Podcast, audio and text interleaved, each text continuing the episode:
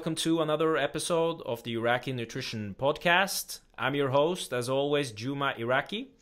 Before I introduce today's guest, I just want to mention that this podcast is available on YouTube in video format, but you can also listen to it on iTunes, Stitcher, and SoundCloud as well.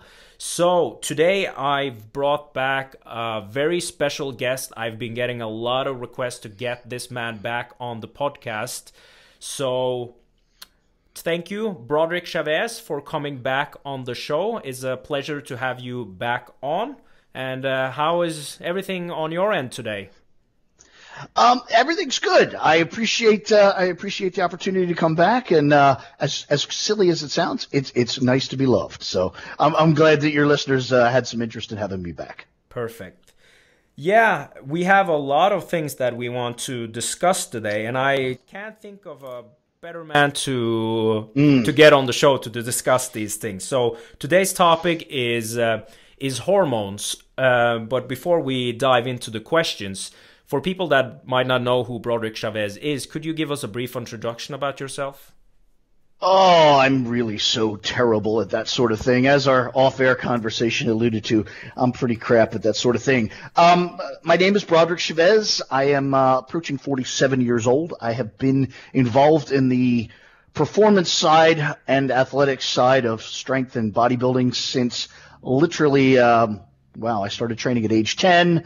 I was already competitive by my early teens. So my competitive career goes back to the early 80s and um, picked up along the way a degree in biology. I have worked uh, for some major uh, supplement companies. I have uh, worked on the periphery of some pharmaceutical companies, all the while coaching athletes, developing my skills as a coach, interacting with some of the top uh, top minds in the sport, which I continue to do to this day. And you know, it's silly to go down a, a, ledger sheet of you know people I've coached and things I've done, but I've been very involved in uh, high high level performance athletics, sports ranging from bodybuilding and powerlifting to the uh, obscure. I've worked with bobsledders, I've worked with track and field athletes, I've worked recently with a lot of MMA a number of MMA and boxing athletes. So uh, across the width and breadth of sports performance, and just generally any opportunity I get to make people a little bigger, stronger, faster, I'm in. Perfect. Wow, that's impressive. I know you've worked with a lot of uh, people, but uh, I've even heard that you worked with uh, bodybuilders on like the elite level, like Olympia level. Yes, I have. I have. I wouldn't. I don't like the word coached. I have consulted with and done some problem solving for competitors that have walked on the Olympia stage, both male and female. Awesome.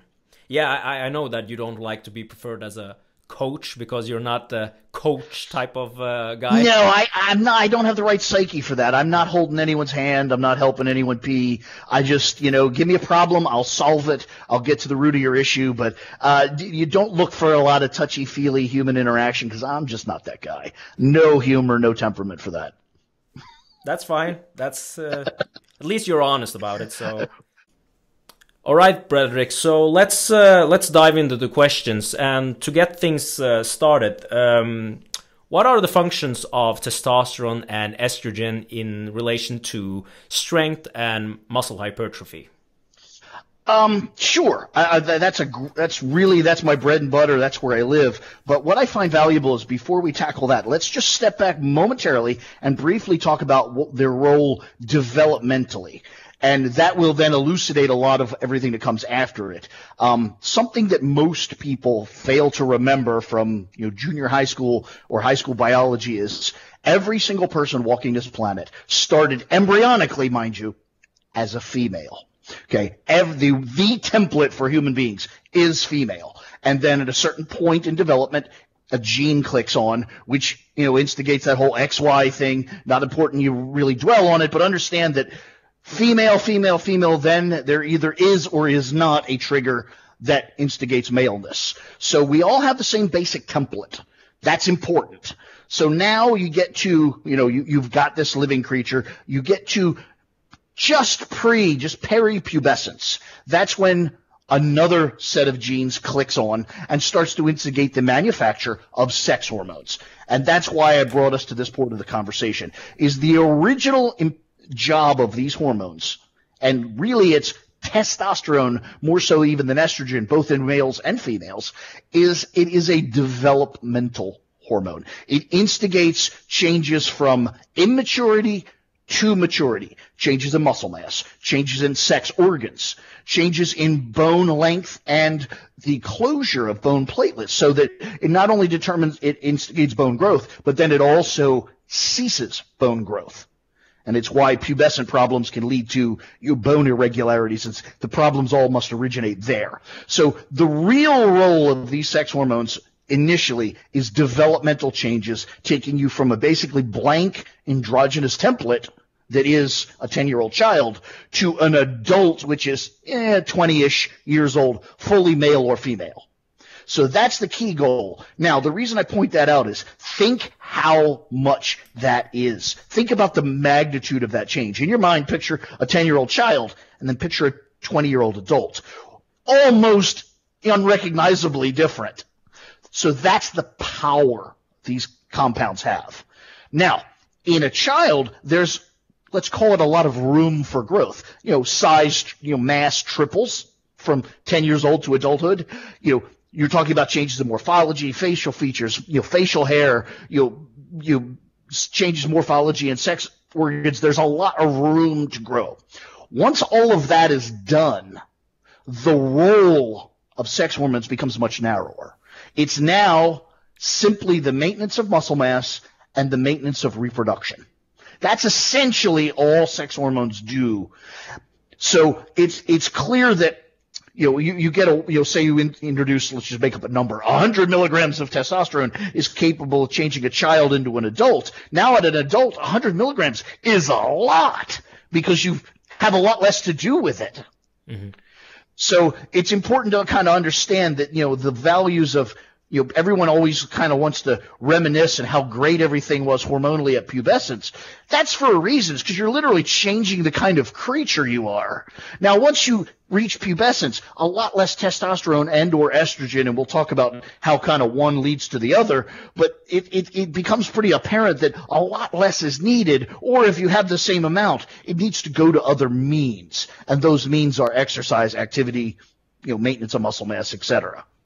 So in a, in a kind of a big picture kind of thing, that's the role of testosterone in males and then in females, there's still a manufacture of testosterone. Simultaneously, there's a manufacture of estrogen.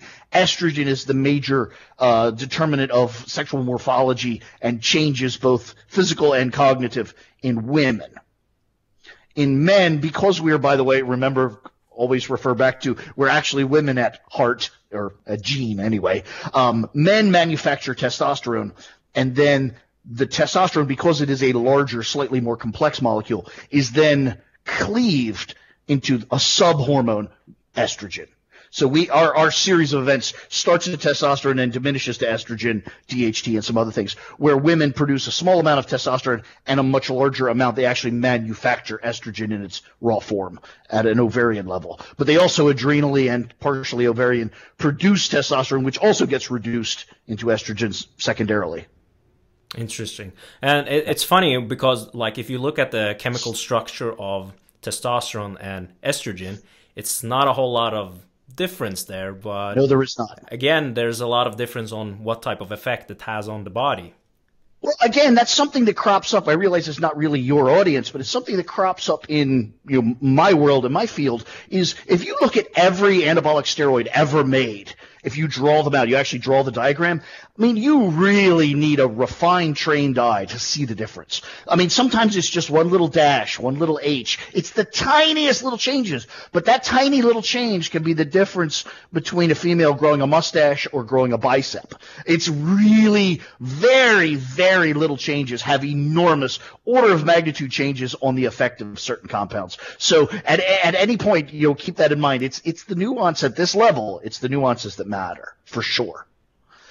So, um, and just kind of a, a side thought, something I, I used as I have this either gift or, or curse of speaking by way of analogy. And I stumbled on this the other day that got the point across. And I think your listeners probably savvy enough to have gotten the point. But the analogy I made, uh, was speaking to a group of people that really had no understanding of chemistry is, um, think of this whole process much like petroleum. When you dig a hole in the ground and pull out petroleum, it is this very large crude, as in crude oil, crude molecule. But the beauty of it is its its size. There's so many things we can cleave out of it. We can get gasoline, we can get kerosene, we can get solvents, we can get all this stuff out of it because it's so large and, and well formed. That's what we have here with testosterone. Testosterone is so large and complex. And even if you went above that, pregnenolone, and if you even went above that, cholesterol is such an enormous molecule. It's very easy to derive subhormones from it because making something smaller is much easier than manufacturing something bigger from a biological energy kind of perspective. So that's the that's the kind of series of events. Is testosterone is the kind of the master sex hormone, and then all these other ones are derived from it. If that helps. Interesting. Yeah, definitely.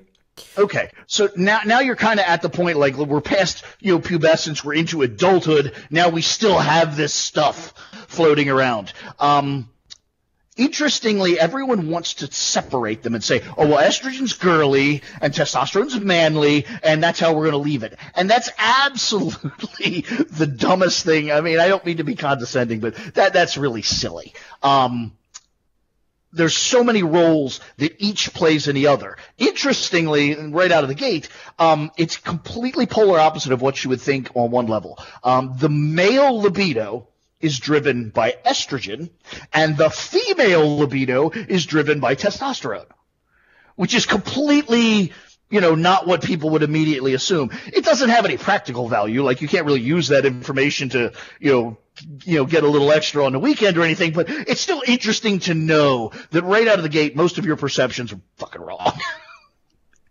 so, um, and also, you know, people ha- kind of have this attitude that building muscle is the sole domain of testosterone, and you know, growing titties and crying over chocolate bars is solely the domain of estrogen. And once again, that's not even remotely accurate.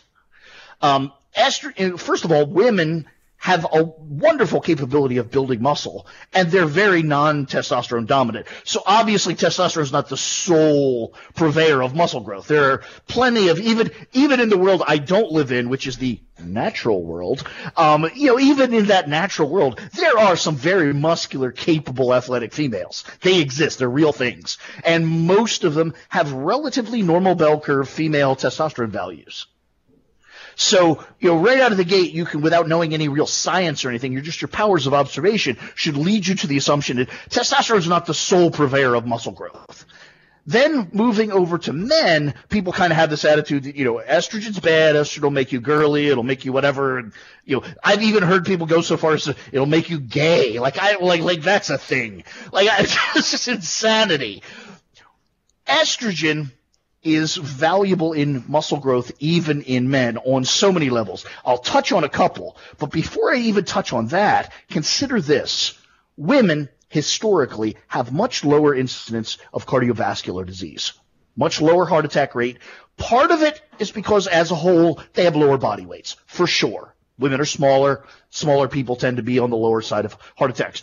But secondarily, women have more estrogen estrogen is very, very preservative of a positive LDL HDL ratio, of a total suppressed cholesterol values, and vascular pliability, the actual health and contractile abilities of vascular tissue. Women get all this wonderful estrogen, their cardiovascular systems survive longer. And coincidentally, to illustrate that point, women that reach menopause, their incidence of heart attack goes up radically because their insulin or their insulin, their estrogen values go down. There's a distinct line in the sand when women begin to lose their estrogen, they begin to gain the potential for male-like cardiovascular incidence. Move that over again, we're the same creature, men and women. Move that concept over to men, you can pretty quickly see, hey, estrogen's probably preservative of the cardiovascular system. And lo and behold, there's tons of studies out there. Feel free to look them up. I won't quote them, but the higher in general, the higher the estrogen value in men, the lower their long-term chances of myocardial infarction, the lower chances of heart attack f- with elevated estrogen. Now, estrogen can elevate to a, to a point where it does bring on all sorts of other problems. You can get behavioral problems. You can get breast tissue development. You can get a lot of issues that are negative. But, you know, specifically, estrogen is very preservative of the cardiovascular system. Secondarily, it has some very strong effects on the inflammatory slash anti-inflammatory action of other hormones, and therefore estrogen is very preservative of the joints. In general, you find people with low estrogen values tend to be at the forefront of orthopedic issues. Lastly, and this one's a little harder to quantify, but it's a real thing, but I won't beat it to death because I don't have a lot of solid data right on the tip of my tongue. Estrogen is deeply involved in the liver's ability to convert somatropic hormone, growth hormone, into resultant growth factors, IGF-1, MGF, all the stuff you hear about.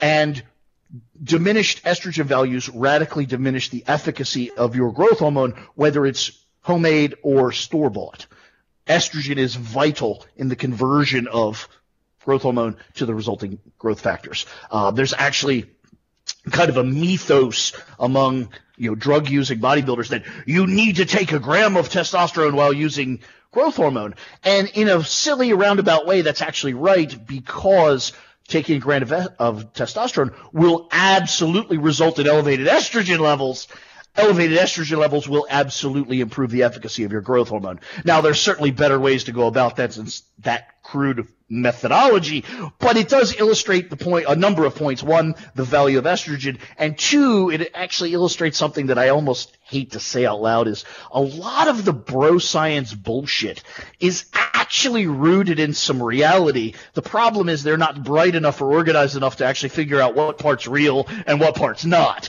But, you know, like all kind of wives' tales and, and family myths, there is a lot of root truth there. It's just getting to the actual application part that's kind of not their forte. But but anyway, I, I digress. I apologize. Uh, yeah, yeah. I, I, I think it's uh, great that you brought that up because I recently had a discussion with a friend because he had heard, not related to this, he had heard that Phil Heath eats more white fish uh, at the later stage of his pre pre contest diet, and because he thinks that it thins the skin. And I basically explained this to my friend that it's a lower pro- fat food choice. Exactly. So it's basically just a caloric adjustment. You're basically just lowering your calorie, but a lot of these bodybuilders they don't really understand this. They just understand that when I go from eating red meat to eat fish, I seem to lean out more. So maybe the fish is thinning my skin, but it's not the adjustment in calories like it actually and is. And then the funny part, and not to interrupt you per se, but the funny part there is now try to explain to them that's actually because of a reduction in dietary fat, and they'll lose their fucking mind. And you, oh no, fat's wonderful, and fat. But meanwhile, taking fat out of the diet and therefore transposing a high fat protein source to a low fat protein source, their physique gets better. But tell them it's because of fat restriction, they'll lose their fucking mind. So you know, I I, I try to just keep my mouth shut and go, oh yeah, fish skin, thin skin, yeah. You know, I'll even take it further and even be even more childlike. You know, fish do have really thin skin. You, I, have noticed that. Yeah, they're, I've I've skinned a fish. It's like paper. You know, I don't give a shit. I'll feed into it. What the hell? Yeah. All right. All right. Uh, I'm actually that mean-hearted. I, I really am. You have to understand that. Yeah, yeah, yeah. All right. Let's uh, let's go into the the next question. Like you you hear sometimes about people saying, well, if you do these exercises, you uh, you can increase your testosterone levels, or if you do this, you can you it decreases the testosterone level. So, like when we're talking about these normal fluctuations that you see in in hormone levels that do happen during mm-hmm. during the day and during if you do different exercises, do they really have any effect on muscle growth? You you really here's the rub on that, and you're you're you're very closely infringing on something I was bemoaning before we actually started this off camera about the natural crowd kind of haranguing me about you know my views on insulin. so to say hormone levels have no effect would be wrong on many levels and would also violate things I've said in regards to other hormones. Here's the thing. Like everything, it is really about a long-term average. On average, it's your long-term average hormone levels that determine anything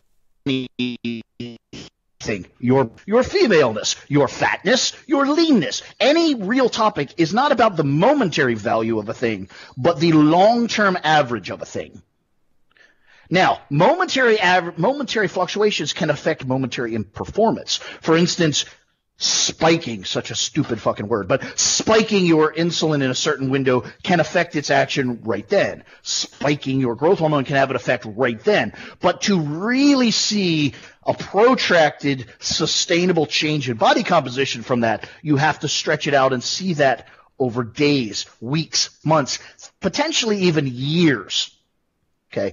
This is an example I use to illustrate that point, and it's a little childlike, but I think it's one that everybody can kind of follow along with. Let's say you had a bottle of Dianabol. I know, horrible, terrible, awful, illegal, awful demon tablets. But let's say you did, okay?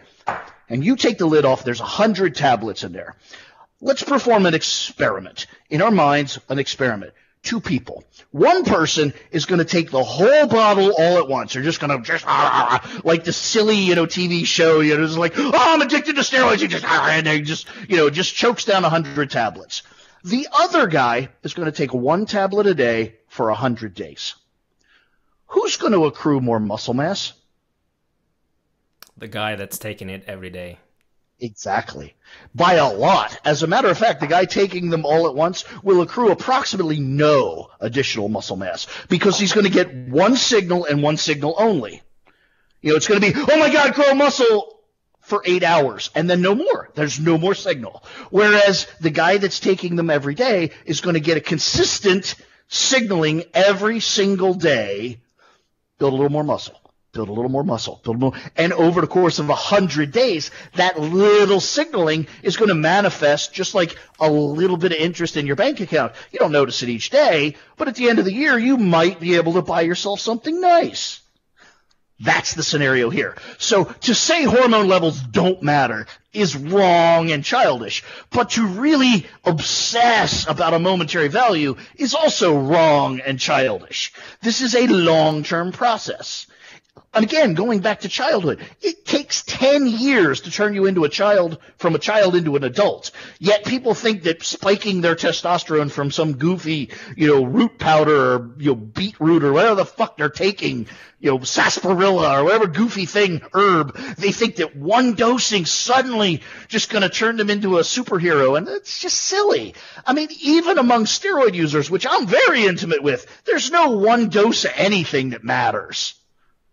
You know, it's still, you know, week long, month long, year long cycles of drugs to make people look like drug users. This idea that your momentary hormone levels really amount to squat is kind of silly. And, and to be fair, and, and I don't mean to be overly condescending to you and your listeners, but if you think about it, you should be able to work this out. This is, I, you shouldn't have to come to me for verification on something that shamefully obvious. You, you, you, know what I mean? Like, you know, and, and again, like the, a perfect example, a perfect corollary is everyone wants to demonize insulin. Insulin's making people fat. It's the obesity epidemic. It's the twin demons of sugar and insulin. And it's fucking cousin corn syrup. Think about this. Does anybody get obese in a day or a week or a month? No, it's a fucking career. These lazy asses sit around and work at it day in and day out, overeating and being inactive for weeks and months and years and fucking decades, and that's how they get obese. It's a project. Nobody gets obese in one day from, oh shit, insulin snuck up on me in sleep. Now I'm fucking fat. Like, really? God damn. I'm gonna have a see. That's the problem. Is I'm gonna have a fucking stroke on on you know on national TV talking about you know, and then the, the headline's gonna read you know, crazed steroid carbohydrate fanatic dies while you know yelling at natural people. You know, just, yeah, sorry. yeah, yeah. But but but but I I I, I totally agree with, with what you were saying because people usually like like for it's it's it's a good point that you're raising because people that gain a lot of weight and get obese when they start to want to lose weight, they expect that to happen really quickly. Right. And you have to explain yeah. to them that well, it took you 4 years to gain all this weight. You can't expect to lose everything in just 4 weeks or whatever they're they're saying. Like these changes take time. Yeah, if it took you four years to get fat, it might take you four years to get lean. Yeah. That's a re- very realistic concept when you look at how nature kind of moves. You know, it's interesting. The seasons all seem to be about the same length. Like shit seems to be kind of, you know, counterbalanced and equilibrium like. And, you know, again, pay attention in junior high school, folks. what else to say? Yeah, exactly. Exactly. So, uh, so yeah. Anyway, divert me. Give me a question that I don't have to yell about. yeah, let's uh, let's go into. Uh, I know this is a questions that a lot of people ask. Um, blood work, like when, like there's a lot of guys. Typical. I'm not saying just guys, but a lot of guys often ask this question. Uh, I want to go to the doctor. I want to get blood work. I want to check how my levels are. But hmm like with with all things when you do blood work you can't just look always at one variable Absolutely and, not. and based on that say how the status is so what type of markers should you look at mm-hmm. if you want to get a, a total understanding on how your hormone levels are Okay, um, I'm going to add a layer that you didn't ask for and probably isn't completely relevant to your audience, but I want to put it out there. The the first thing to understand is largely I deal with people that are using drugs. That's largely why they come to me, why I'm having the interaction. So with that in mind, the first thing I look at and the first thing I coach them to make super sure they have is what in, in American parlance would be the CBC, the blood values. Hemoglobin, hematocrit, the volume and substance of your blood. Mm-hmm. Because having high liver enzymes, having higher low estrogen, having higher low testosterone, there's no way that stuff's going to kill you today. Might kill you in the future, won't kill you today. Having inappropriate blood viscosity can lead to a stroke and death today. So in the order of severity, that's where I start because that can proximately, proximately lead to mortality. So that's where I look first. You know, having high liver enzymes, no matter how high they are, if you're still alive, you're good. We can go, oh, you got to settle down. It'll, you know, it's going to take some time, but you're going to be okay. Your, your hemoglobin gets above 18, you can literally die on your way to the hospital. So it's that kind of thing. Now, for most naturals, not, that is not a concern, but I do like to point out that that's my mindset, is I put things in order of physical mortality based priority. Okay. I think that's an ethical way to do business. You know, performance is useless if you die again, sounds incredibly childlike, but somebody has to say that out loud. You know, dying really kicks the shit out from under your sports performance. So let's tackle that first. So the first thing I look at is CBC blood values. Usually, if there is a problem, the solution is as simple as you should probably run off and donate some blood. Get that out of the way, get those values down, give yourself some more margin. Boom, that's done. The next thing I would look at on blood work is renal and liver health markers. You know, liver enzymes, ALT, SLT, you know, uh, bilirubin. And by the way, even for naturals, that's very important shit. Your training and your lifestyle and even your actual health, infections, underlying things can affect those values.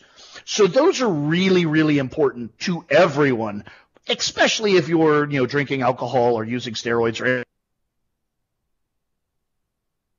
I have met more than a couple times I've consulted with naturals don't ask me why they come to me, but they do. Who have actually brought me, you know, blood work where they've had very, very poor liver values. And in one case, it turned out a person had hepatitis, didn't know it. Really a big deal. In another case, um, a person was actually getting uh, heavy metal poisoning from a vector that was unbeknownst to them. They're actually getting it from work and it turned into a big schmoz. But nonetheless, my point is, is that it's not the sole domain of drug users. You know, health problems exist out in the world at large. They're everywhere. It's really easy to find. So that's how I would go is, you know, blood values, liver and renal, again, uh, you know, kidney values, uh, creatinine, uh, CPK, creatine phosphokinase. I think maybe you guys just call it CK, creatine yeah. kinase you know, creatine phosphokinase is what we would call it. Same thing.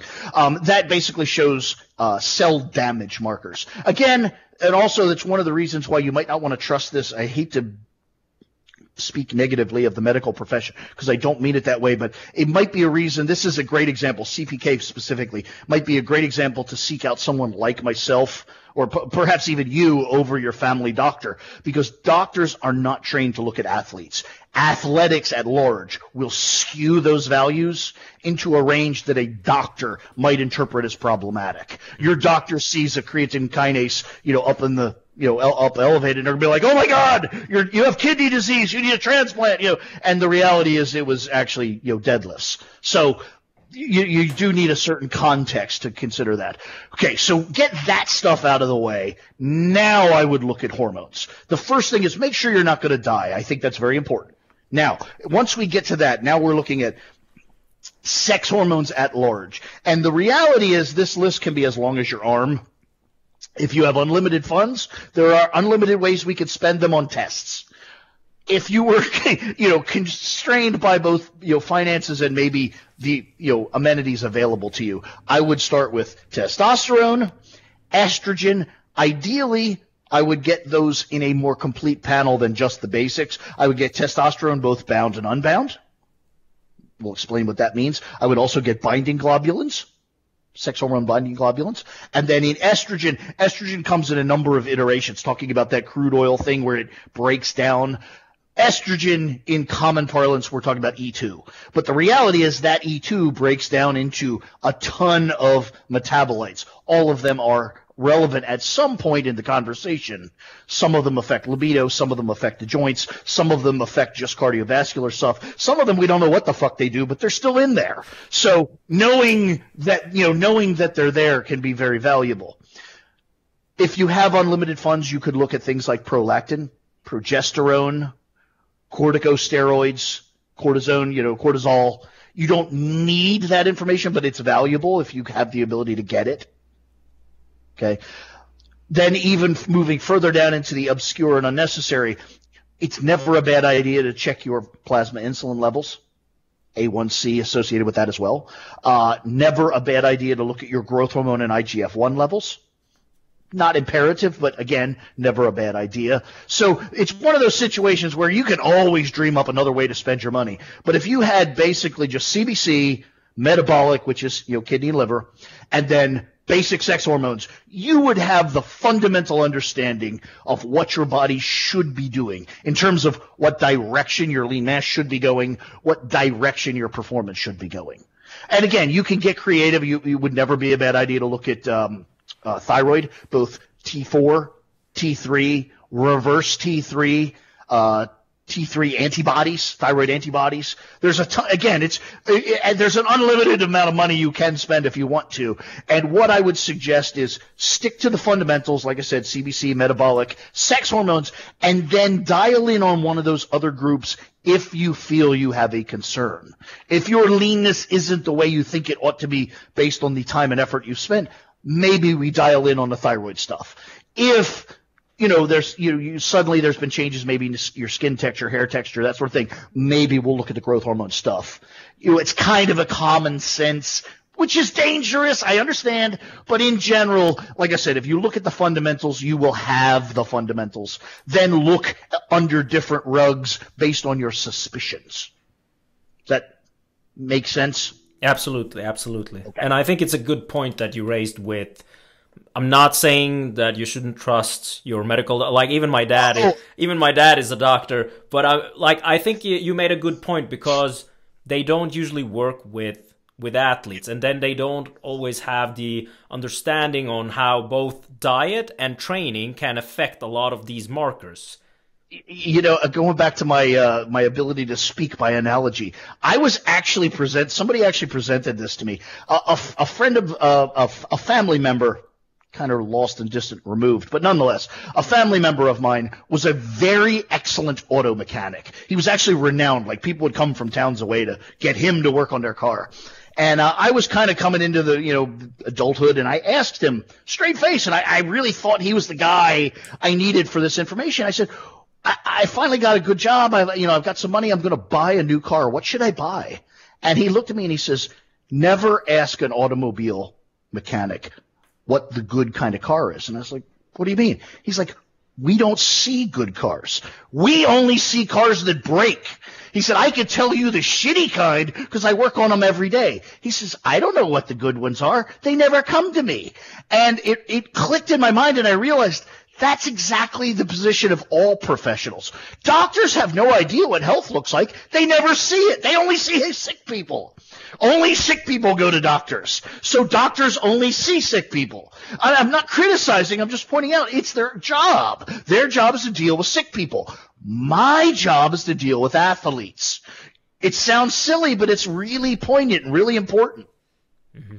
Yeah. So, uh, yeah, and uh, it's a it's a it's a great point. Um, going back to the thing with with the blood work let's say if you want yeah. if you if you're for example concerned about let's say you're a natural guy concerned mm-hmm. about mm-hmm. having low uh, t levels is it is okay. it sufficient to just measure uh, testosterone or should you measure a few other things as well well there, there's a whole bunch of things i'll caution you on there first of all one measurement is useless. Mm-hmm. In science, one measurement is never valuable. You can measure you know, how tall a tree is. But without measuring other trees of the same species, it tells you nothing about the health of this tree. Is it dwarfy? Is it giant? Is it you, you just don't know. You need a body of measurements to recognize a trend or something aberrant. So that's the first thing is I counsel people, natural or otherwise, get blood work regularly from day one. That way we can tell what normal is and then we could see deviations from normal. If your testosterone is 10% higher or lower than historic norms, that tells us something. But just to get a measurement, go, I have 400 nanograms per deciliter. Well, we know in the bell curve of humanity, that's a little low. But to you, that might be just perfectly normal. So again, my, my point is here is I'm, I'm not criticizing getting blood work. I'm just saying that one measurement isn't particularly relevant to shit. So, with that concept, the same concept can be dialed down. Measuring one thing is a little out of context and not very relevant. So I would not recommend you just measure your testosterone value. I would always suggest you measure the complement of associated things. Testosterone, estrogen, and binding proteins minimum. Because one, you could have high or low testosterone simply because it is or isn't converting to estrogen. So if you combine your testosterone and estrogen value, it might be the same as ever. But for some reason, your fatness, number of other things, more of it might be diverted off into the testosterone or the estrogen pathway. Mm-hmm. So it's not really a low testosterone problem. It's in some way a priority problem Typically, that problem is brought on by body fat levels, but nonetheless, it's my point is, you know, measuring one thing doesn't really tell you the picture of what's going on. You need a, a, a an overview, and then even then, I have to caution you, and I'm not trying to make you sound self-defeating. But even then, the picture's never big enough. Like I can look at your testosterone, your estrogen, your binding proteins and not realize that you have a thyroid tumor that's affecting your thyroid values that's skewing these. So it's, it's never enough, you know, you can always dial out and look at something a little bigger. But again, finances and practicality, if you have to know that, at least measure that, you know, whatever that is. Start there. And then again, if you have the ability or extra concerns, dial out and look at bigger pictures because bigger picture is always valuable. Awesome. Yeah. Yeah, my point was that you see a lot of people they will go to the doctor, they'll tell the doctor, "Can you measure my testosterone?" and it's really not telling the whole story when you're just not doing one Absolutely. measurement. Uh, luckily here in Norway, it's not that in the states I know, but luckily here in Norway you pay like 8 bucks or something to take to do blood work, so it's it's pretty pretty cheap in Norway, um, anyways. But uh, how often would you recommend people take? Like, I'm not talking about people on performance enhancing drug. I'm just talking about in general. How often would you say people should take do blood work? Really, interestingly, or perhaps it isn't interesting to you, but it is interesting to me. Um, I don't differentiate. Mm-hmm. I think that there is a reasonable and relevant time frame at which to expect the ability for change.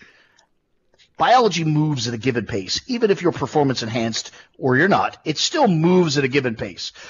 Like I said, with those hormone levels, the moment to moment just doesn't matter much. It adds up on weeks and months. And my experience is the most proximal you can expect to change is every three months. Less than three months, you're just measuring chance. About every three months is far enough apart that you could actually see a change. Okay. So three months is about the maximum frequency every three months. And then my, my, you know, for people that are constrained by money or geography or, you know, access to professionals, basically my attitude is the minimum you should get is twice a year. I really think that's the minimum to even say you're doing it. So um, that that's basically, and to be honest, I don't really prioritize you know drug users ahead of non-drug users, events, whatever. What I prioritize is the the severity of missing. Mm-hmm. The the consequence for not getting the measurement is far more grave, but the need for it still exists in both demographics like I said about, you know, like CBC values. Getting blood work every three months is important. It's more important to a drug user simply because if those CBC values crept up, you're a little closer to death. But it's still, that's the time frame in which you would expect to see a change. So the number doesn't actually change. It's just the imperative and paramount momentarily to you. Awesome. Great. Next question is um, we talked a bit about um, estrogen and how people say, well, mm-hmm. estrogen is for females and testosterone yeah. is for males. So, is there any uh, like let's let's talk a bit about the effect of estrogen on males, both the positive things and the negative things. Um, sure. The and the negatives pretty much are all based on a threshold value. There is no negative up until you kind of think of it as just a big bell curve. And there's no negative on the way up the hill. It's only until you round the hill. In a, a, this is a little childlike, but it's it's valid with concessions. More is better until more becomes too much. It, it, more estrogen typically means more libido, better joints, better cardiovascular system, better, everything's better up until you start to manifest female characteristics. At the moment when you start to grow breast tissue, that's not better. But in general, people kind of, I get this all the time. Tell me a value that I should peg my estrogen at. And my answer is always the most you can have without getting titties and they don't like that answer. But that's the answer. Some people, that problem exists way down around, you know, 100 nanograms per deciliter, uh, 50 nanograms per deciliter. There are people like myself that can go all the way up to 200 and not have problems. Yes, I'm lucky. Yes, it's, it's uncommon, but it's, the fact is, if I kept myself at 50, I would be doing a disservice. And if the guy at 50 tried to be where I'm at, he would have titties. So it's you know, there is a science to this, and it is, you know, all sciencey, but at the same time, there is individual differentiation, and we are not all the same, and we don't tolerate things the same. So it's just, you know, what it is. Now, again, because I keep my estrogen so high, I also have the libido of a fucking porn star, and you know, so it, it, there's there's it's oh that sounds like a great thing. Everybody's like, woo, yeah, yeah, for sure. Try that. Try that for two weeks on end, and see. it's not out of the house. You you're, you're just you know sitting on the porch in the rain, like I promise, I just want to come inside, like you know. Maybe I'm giving away too much, but anyway, anyway, it's it's a real thing. So, like I said, nothing's a free ride, and unfortunately, I can't just spout out a value. You know, I don't have a big pope-like hat. I can't just pontificate and go, "Thou shalt have an estrogen value of X, and you will be big and strong." Like it, do, it just doesn't work that way. I can tell you the system, and the system is allow it to creep up if you can to the highest possible value before you manifest you know, female sexual characteristics, back off a little bit, and that is momentarily your sweet spot. That's, you know, that's how I do that where I, you know, in a theoretical world where I was managing someone's drug use, that's how I would do it. I would look at their blood work and I would consistently want that value to raise until I'm thinking they're on the cusp of female sexual characteristics, and then I would pull it back a little, and that would be my target zone. And keep in mind, that's not forever. Changes in behavior, you know, activity, you know, changes in diet, changes in body fat, changes, changes, changes could change that value. That's what changes mean. This is a very dynamic system we have here. Um, the enzyme is something we didn't, we kind of alluded to, but I don't think we said it out loud. The enzyme responsible for cleaving testosterone into the subhormone estrogen. That enzyme is manufactured in fat tissue. So very roughly you could say the fatter you are, the higher the potential you have to convert testosterone to estrogen. And conversely, the leaner you are, the less potential you have to convert testosterone to estrogen. So right out of the gate, your leanness can have strong impacts on what's going on.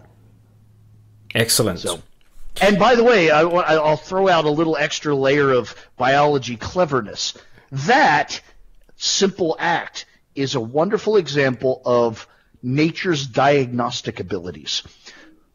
One of the major impetus of any creature is reproduction. But reproduction needs some sort of governor. Avant-garde reproduction is very bad for species survival. Making babies when there's no food, for instance, or when the climate is wrong, or when predators are about, or there's a lot of things that might tell biology. Now's not the time. Conversely, there are some signals from nature that might say now is definitely the time. As body fat levels creep up, the enzyme to produce estrogen, which controls libido, goes up, meaning nature saying there's lots of food out here, i.e. you're getting fat, maybe it's time to make another mouth to feed. Mm-hmm. You see, that's people, you know, people focus on the, what does it mean to me? And they kind of forget that it means something to the bigger picture, the dynamics of life. And once you start to understand those dynamics, it can help you understand a little bit more why your body does this when you do that, or why it should do this when you do that, and that sort of thing. So I just, I just thought I'd throw that in there because personally I find that sort of thing fascinating. That nature can derive the state of food supply from something as simple as you know that. And then it can determine that you know now's a good time to ovulate. Now's a good time to you know make babies and all and so on because of you know an outside piece of information as simple as being putting food in your mouth. So I find that sort of thing fascinating and it, it never never steals my it never stops stealing my attention away. Yeah wow that's really interesting and I'm glad you I'm glad you brought it up and, and shared it with uh, with my listeners. All right, Broderick, I think that's uh, enough for part one of our uh, podcast on hormones, and I think we'll continue the second part the next time. So, thanks a lot for taking the time today to do this podcast, and I'm looking forward to do the second part with you uh, shortly thank you. Thanks for inviting me, and uh, we'll, we'll, see if you can tolerate another iteration, another volume of me. But um, I'm I'm happy to be come back and finish anything you like. I'm sure I can. So no worries about that. All right, Broderick. Thank you so much. Bye bye.